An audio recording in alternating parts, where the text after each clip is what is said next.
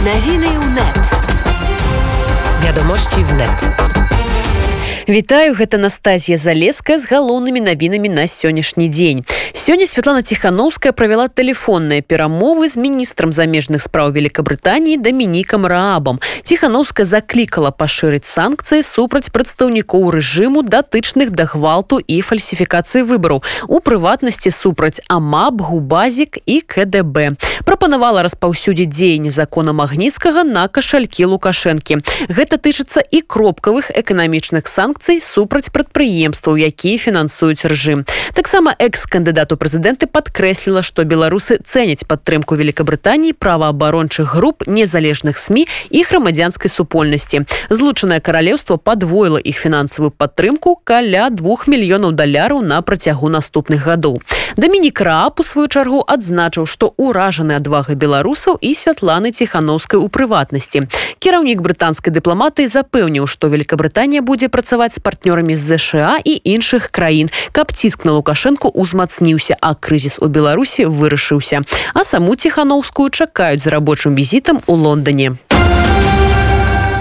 прызначаная кіраўнік дыпламатычнай місіі ЗША у беларусі Джулі фішер нядаўна зацверджаная сенатам пачала турне па еўрапейскіх гарадах. У рамках кансультацыі Джулі фішер сустрэнецца з партнёрамі ўраду навуковых колаў грамадзянскіх супольнасцей каб абмеркаваць сумесную працу дзеля падтрымкі беларускага народу ў захаванні суверэнітэту і незалежнасці а таксама умацавання дэмакраты і падвышэння дабрабыту. Раней Джулі фішер займала пасаду намесніцы пастаяннага прадстаўніка прадстаўніка ЗША пры нато. Часовы павераны ў справах ЗША у рассіі а таксама працавала ў амерыканскіх амбасадах у Грузіі і ва ўкраіне летась у ліпені Александр лукашенко прызначыў амбасадарам беларусі у ЗША намесніка міністра замежных спраў олега краўчанку не так даўно дыпламат памёр ад ускладненняў у выніку коронавірусу яму было 49 гадоў новага амбасадара беларусі у ЗША яшчэ не прызначылі. а старшыня дзяржпагранкамітэта Анатоль Лапо заявіў пра спробу дэстабілізацыі абстаноўкі на прыбалтыйскім напрамку ў мінулым годзе. Па яго словах у краіну мы упусцілі некалькі тысяч чалавек, якія ў другім паўгодзе ехалі ў Беларусь з рознымі намерамі. Была і спроба дэстабілізацыі абстаноўкі на прыбалтыйскім напрамку, калі хацелі працягнуць ланцуг, паведаміў лапо журналістам пасля дакладу лукашэнкі санкцыі дапамогуць павысіць заробкі беларусаў заявіў у чарговым відэазвароце валерый цапкала апозіцыйны палітык адрэагаваў на акцыю федэрацыі прафсаюзу беларусі з адкрытым лістом працоўных супраць санкцый. Дзе сцвярджаецца што яны прывядуць да зніжэння заробкаў пенсій і дапамог. Цапкала перакананы што цяперашняя эканамічная сітуацыя краіны гэта не вынік санкцый а вынік правальнай эканамічнай палітыкі рэжыму. Палітык заклікае накласці санкцыі не на мас азот ці нафтан а на кіраўніцтва справамі і рэзервовы фонд кіраўніка дзяржавы суть санкций которые мы предлагаем заключается в том чтобы максимально ограничить возможность для лукашенко финансировать внебюджетным способом свои расходы а также расходы на содержание репрессивного аппарата подавления санкции должны быть введены в отношении управления делами и структур, которые работают под управлением делами, а также так называемого резервного фонда президента. Вы должны понимать о том, что резервный фонд Лукашенко в некоторые годы почти приближался по своим размерам к бюджету Республики Беларусь. Деньги туда направляются из самых разных источников, но прежде всего самих предприятий, которые зарабатывают с нафтана, с Мозырского НПЗ, с МЗКТ, завода двигателей, с Минского тракторного завода, с Белаза, из других предприятий часть денег направляется непосредственно в так называемый резервный фонд президента. Введение санкций в отношении этого фонда и в отношении управления делами ограничит возможность для Лукашенко покупать себе новые самолеты, машины, строить резиденции, деньги, которые могли бы оставаться в распоряжении предприятий, они уходят на эти счета Лукашенко. Кіраўніцтва генеральнага камітэту парламенцкай асамблеі абсе па дэмакратыі правах чалавека і гуманітарных пытаннях заклікала міжнародную супольнасць звярнуць увагу на сітуацыю ў беларусе а беларускія улады да вызвалення палітвязняў. Намеснік старшыні камітэта михаэль георг лінк падкрэсліў абсе і іншыя міжнародныя арганізацыі павінны ўзмацніць ціск на ўлады ў мінску каб яны выконвалі добраахвотна ўзятыя на сябе абязательствы асаблівую трывогу дапамогу выклікаюць паведамленні аб катаваннях і адсутнасці адказнасці паколькі праследуюцца ахвяры катаванняў а не вінаваты міжнародная супольнасць павінна забяспечыць справядлівасць заявіў лінк не менш за 40 чалавек былі асуджаныя ў студзені ў беларусі па крымінальных справах якія маюць палітычна матываваны характар паведамляе праваабарончы цэнтр вясна спачатку прэзідэнцкай кампаніі заведзена больш за 1800 крымінальных спраў супраць удзельнікаў прэзідэнцкай гонкі актывістаў іншых штабоў удзельнікаў мірных акцый пратэсту і якія адбыліся пасля выбарчай кампаніі под петыцыі супраць забароны бчмб сімволікі ўжо подпісаліся больш за 77 тысяч беларусаў пасля навіны пра магчымую забарону бел чырвона-белай сімволікі на сайце зручны горад з'явілася петыцыя супраць такой ініцыятывы у падтрымку бел чырвона-белага сцяга выступіў старшыня народнага антыкрызіснага кіравання павел латушка. Мяне дома захоўваецца бел чырвона-белы сцяг под якім мой бацька і матуля хадзілі на акцыі за незалежную Беларусь напрыканцы канцы 80-х гадоў. Гэта гісторыя маёй сям'і. Гэта гісторыя, якую я захоўваю у сваім сэрцы. Ці маем мы права забыць пра гісторыю краіны, народа, аднаўлення нашай незалежнасці. Я думаю, адказ адназначны. Ніколі. Я ўспамінаю пра марш 16 жніўня 2020 года, калі над сотнямі тысяч яго удзельнікаў у мінску і па ўсёй краіне луналі бел-чырвона-белыя сцягі, якія ў той момант і па сённяшні дзень аб'ядналі нас у веры, што дабро павінна перамагчы зло. Под бел чырвона-белымі сцягамі мы абараняем сваю свабоду і сваё права людзьмі звацца. Бел чырвона-белы сцяг гэта сімвал добра, святла, цеплыні, усяго таго, што мы адчулі, калі пачалі выходзіць на нашы маршы, калі сёння выходзім у двары, раёны нашых гарадоў і вёсак. Сёння бел чырвона-белы сцяг стаў сімвалам нашага адзінства, сімвалам будучага адраджэння. Ці маем мы права наше імкненне да вольнай будучыні дазволіць камусьці прызнаць экстрэмізмам? Не, ніколі. Адзінай прычынай экстрэмізму ў нашай краіне з'яўляецца рэжым лукашэнкі. І зараз рэжым робіць усё, каб раз'яднаць беларусаў, адняць, выкарыстоўваючы сімвалы адзінства ў беларускага народу. Вось гэта і ёсць сапраўдны экстрэмізм. Улада не здольная да дыалогу, да прымірэння. Яна выкарыстоўвае толькі ціск і падаўленне. Абяцаю сам сабе, што бацькоўскі сцяг, як гісторыю сваёй сям'і я захаваю для сваіх нашчадкаў і пранясу ў сэрцы любоў да бел чырвона-белага колеру. Падтрымайце мяне, падтрымайце адзін аднаго, разам мы сіла, разам мы большасць. Сёння 177 дзень без перапынных пратэстаў у Беларусі. Акцыі салідарнасці з беларускім народам прайшлі ў Берліне, Хановеры, Дрэздані, Кёльні, а беларусы варшавы правялі акцыю салідарнасці. Прычым на гэты раз удалося не проста сабрацца, а яшчэ і прайціся калоны па цэнтры горада. Вольга сямашка з падрабязнасцямі. У варшаве беларусы здолелі арганізаваць марш ад палаца навукі і культуры да старога горада. Мінулыя такія спробы завяршаліся няўдала, бо заўсёды ўмешвалася паліцыя і прасіла людзей разысціся. Маўляў, пандэмія, каранцін, абмежаванні і больш за пяць не сабірацца. Але на гэтым тыдні на такія заўвагі ўжо ніхто не звяртае увагі. Па варшаве літаральна штодня ходзяць шматтысячныя маршы жанчын, нязгодных з апошнімі рашэннямі па абортах. Таму на сотню беларусаў, якія сабраліся на прыступках палаца навукі і культуры, асабліва увагі не звертали. Поддержать, поддержать Беларусь, мы солидарны. Мы с Беларуси уже давно сюда приехали. Еще в 2006 году были довольно аполитичны. Но то, что происходит сейчас в стране, мы, мы с этим не согласны. И мы очень солидарны. И, и идите то же самое. Проходим э, другий раз. И доведались про этой акции и стали приходить? Да, так, так. На вот с деткой?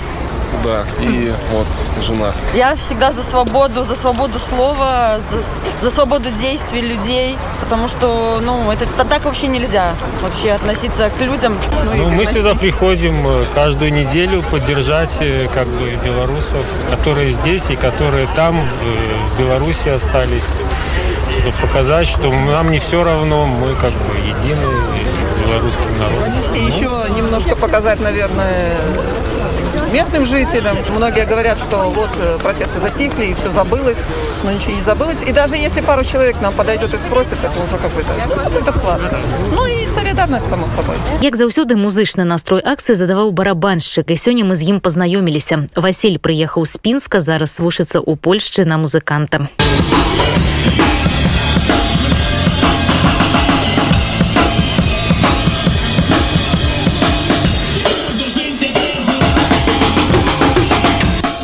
Я возглавлял протест у Пинску 9 Наробил там справ на срок от 15 до выше. И приехали разом со своими инструментами? Спочатку я поехал в Украину, там чекал здесь месяц. Думал, что ну, сейчас власть свергнут, и я вернусь домой. Ну, потом понял, что это не случилось. Мне мои родственники фуры отправили барабаны. Я там купил белые бумаги, они были красные. Пел бело-красно-белое, начал гастролировать по Украине, потом купил визу, приехал сюда. Ну, здесь мне ЦБС помог поступить, ну, ну попасть на программу Калиновского. Вот учу сейчас и играю. Ну, сейчас занимаюсь только музыкой. Некалькі тыдняў таму акцыю беларусаў акрамя песняў суправаджалі і танцы. Да папулярнага чэленджу Іерусаліма далучылася і варшаўская каманда беларусаў. Наступны раз пабачыць іх можна будзе падчас міжнароднага дня салідарнасці з Беларусю.